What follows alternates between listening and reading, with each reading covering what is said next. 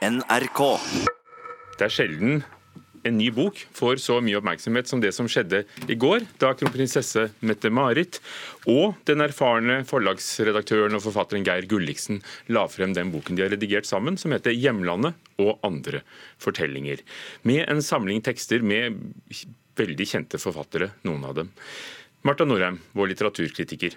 Er det blitt en god bok? Ja, det er blitt en god bok. Ehm, alle forfatterne, tolv i tallet, har skrevet nye tekster. Og eh, altså, det, det, er klart alle er ikke like fabelaktige, men dette er en sterk og god samling som jo skal av gårde til Frankfurt på bokmessa i neste måned. For denne er jo gitt ut litt med tanke på at Norge er da gjesteland, hovedland på den store bokmessen i Frankfurt. Og, og den blir sikkert oversatt til tysk, og tyskere ja, mm. er glad i norsk litteratur og norske forfattere. Hvem er med? Skal du ha hele rekka? Ja. da tar jeg det her fra forsida. Agnes Ravatn, Dag Solstad, Demian Vitanza, Helga Flatland, Karl Ove Knausgård, Maria Navarra Skaranger, Marit Eikemo, Ole Robert Sunde, Siri Hustvedt, Thomas Espedal, Vigdis Hjort og Wenche Myhleisen. Da skriver de? Um, altså, uh, Oppgaven var jo at de skulle skrive om uh, det å være norsk. Uh, forbløffende få har svart på oppgaven. de fleste skriver om barndom, kanskje det å være tilknyttet et nært område. Så det er der de liksom tenker at de, de har identiteten sin. de som skriver om det norske, er først og fremst folk som har en tilknytning til utlandet. altså eh, Karl Ove Knausgård, han har bodd i utlandet i mange år. Siri Hustvedt, eh, den mest berømte norsk-amerikaner i sin generasjon, tror jeg. Og eh, Demian Vitanza, som er, er norsk-italiener. Og så Dag Solstad, som jo eh, eh Jeg kaller han for en eh, eksistensiell desperado, inspirert av, av forordet, der Mette-Marit og Geir Gulliksen skriver. Dag Solstad skriver ifra en veldig mørk plass eh, om at vi er i ferd med å miste oss sjøl, vi er i ferd med å miste språket vårt, vi er i ferd med å miste identiteten vår. Og da eh, blir vi stående igjen som eh, lettpåvirkelige konsumenter som ikke virkelig er i stand til å se hva som skjer. Så dette er veldig sånn eh, Det er for så vidt i slekt med den kulturpessimismen som Dag Solstad har lufta flere ganger i løpet av de senere åra, men her er det en, en, nerve i den teksten som, som gjør inntrykk, selv om en kanskje ikke deler akkurat uh, den mørke versjonen, så ser en jo at det er faretegn i samfunnet som en godt kan ta inn over seg. Hvilken form er det Solstad har valgt? Eh, Solstad har valgt essayet. Det har også, også Siri Hustvedt valgt. Og med Knausgård vet du jo aldri om han skriver skjønnlitteratur eller essay, for han har en slags blanding. Men Demian Vitanza han har valgt en historie som er et fremtidsscenario, og, og ganske dristig i forbindelse med, med hva, som, tanke på hvem som har redigert boken? Ja, eh, nå er det vel Geir Gulliksen som akkurat har redigert eh, teksten til Demian Vitanza, der han eh, ser inn i framtida, til den dagen kong Harald dør og Håkon skal ta over.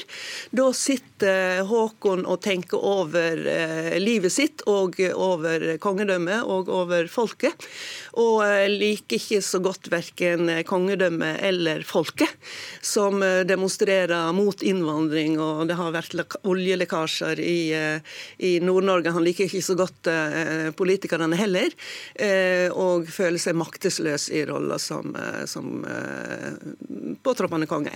Dette her er jo ikke noe Eller hva Håkon tenker på, det vet ikke jeg, men dette er jo tanker som blir tillagt han av Demian Vitanza.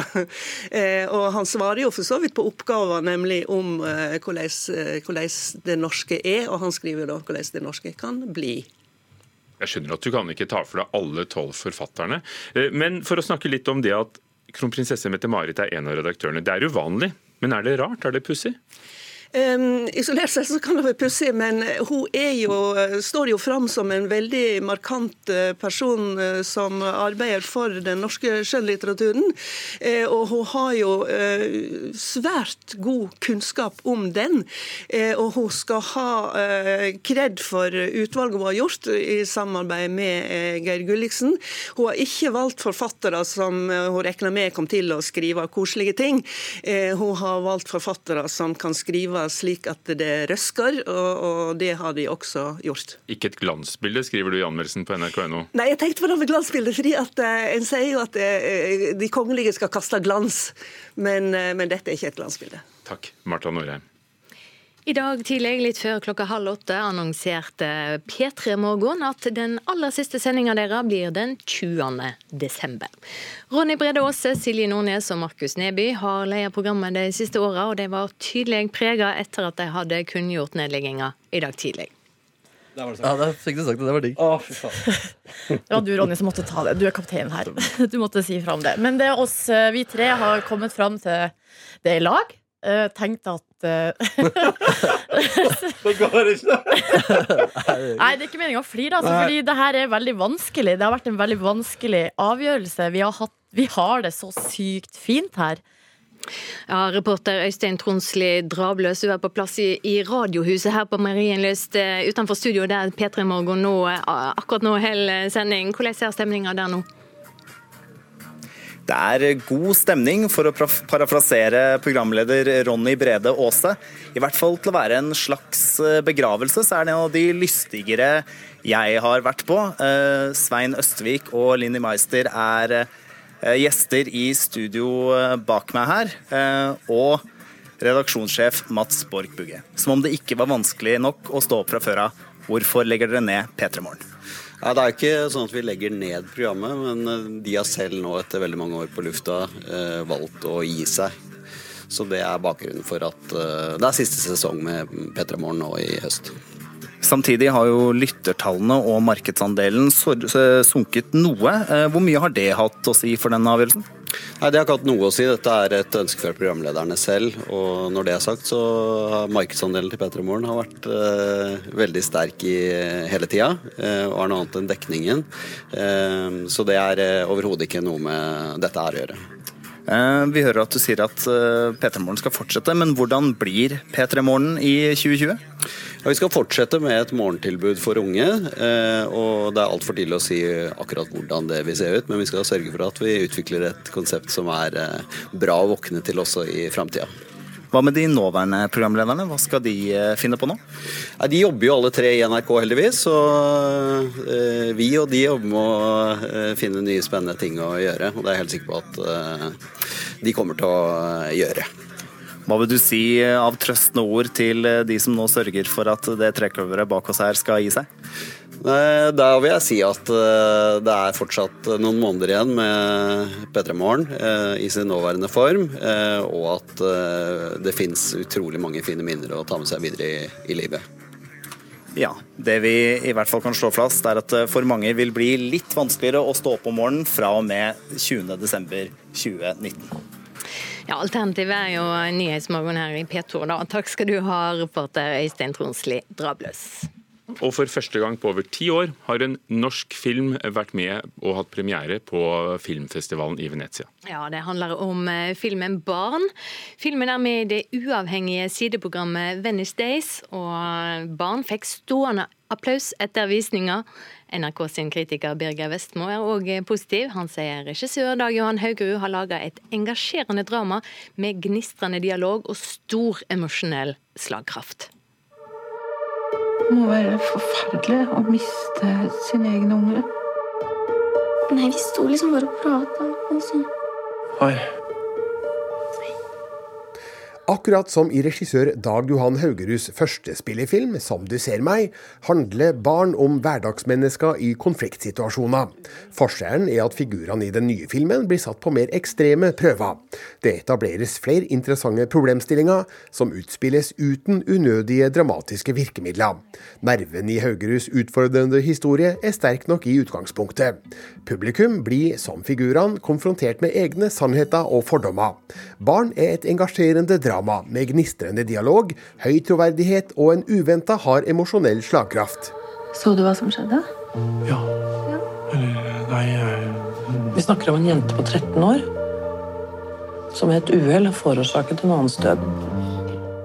13 år gamle Lykke, spilt av Ella Øverby, skader klassekameraten Jamie alvorlig på skolen. Og rektor Liv, spilt av Henriette Stenstrup, går rett i krisemodus med resten av lærerne for å finne ut hvordan de skal håndtere situasjonen. Vi ser hvordan de ansatte på skolen sliter med å bearbeide det som har skjedd, spesielt kontaktlæreren Anders, spilt av Jan Gunnar Røise, og hvordan hans kvaler påvirker forholdet til kjæresten Jan, spilt av Brynjar Aabel Bannlien. Samtidig ser vi hvordan lykkesforeldre Eva Eva, spilt av Andrea Brein Hovig, og Sigurd, spilt av Hans Olav Brenner, har vanskelig for å tro på datteras versjon av det som skjedde, og hvordan hendelsen påvirker Jamies far, Per Erik, spilt av Torbjørn Harr. Det gjør situasjonen ekstra krevende at han er en kjent Frp-politiker, mens Lykkes far tilhører Arbeiderpartiet. Jo, alltid vært så veldig mot Frp-politikk. Det, det, det er bare det. Men det er jeg jo ennå. Man må jo kunne se mennesker bak deres politiske holdninger, vel? Barn er ikke en film som skriker høyt for å formidle sitt budskap. Her er det stille desperasjon som gjelder. Dag Johan Haugerud skildrer dramatikken med forsiktige virkemidler i flere lange scener der det mangfoldige persongalleriet får god tid til å snakke ut. Filmen varer derfor i to timer og 37 minutter, men den føles aldri lang. Den holder oppmerksomheten opp gjennom hele spilletida, med problemstillinger man kan relatere seg til, sjøl om man ikke nødvendigvis har vært i samme situasjon. Man man skjønner hva som står på spill for figurene, og man kan ha forståelse for deres ulike reaksjonsmønstre, sjøl når de fremstår som lite produktive og veloverveide. Barn er en moden og nyansert spillefilm fra en begava regissør, som skaper diskusjon, refleksjon og ettertanke. Det her er en film som blir med deg hjem fra kinoen. Jeg syns liksom bare at det er et eller annet som ikke stemmer. Altså, hvordan skulle hun ha gjort det? Det lurer jeg på. Terningkast fem. Ja, vi hørte filmmelder Birger Vestmo, og filmen 'Barn' har norgespremiere neste fredag.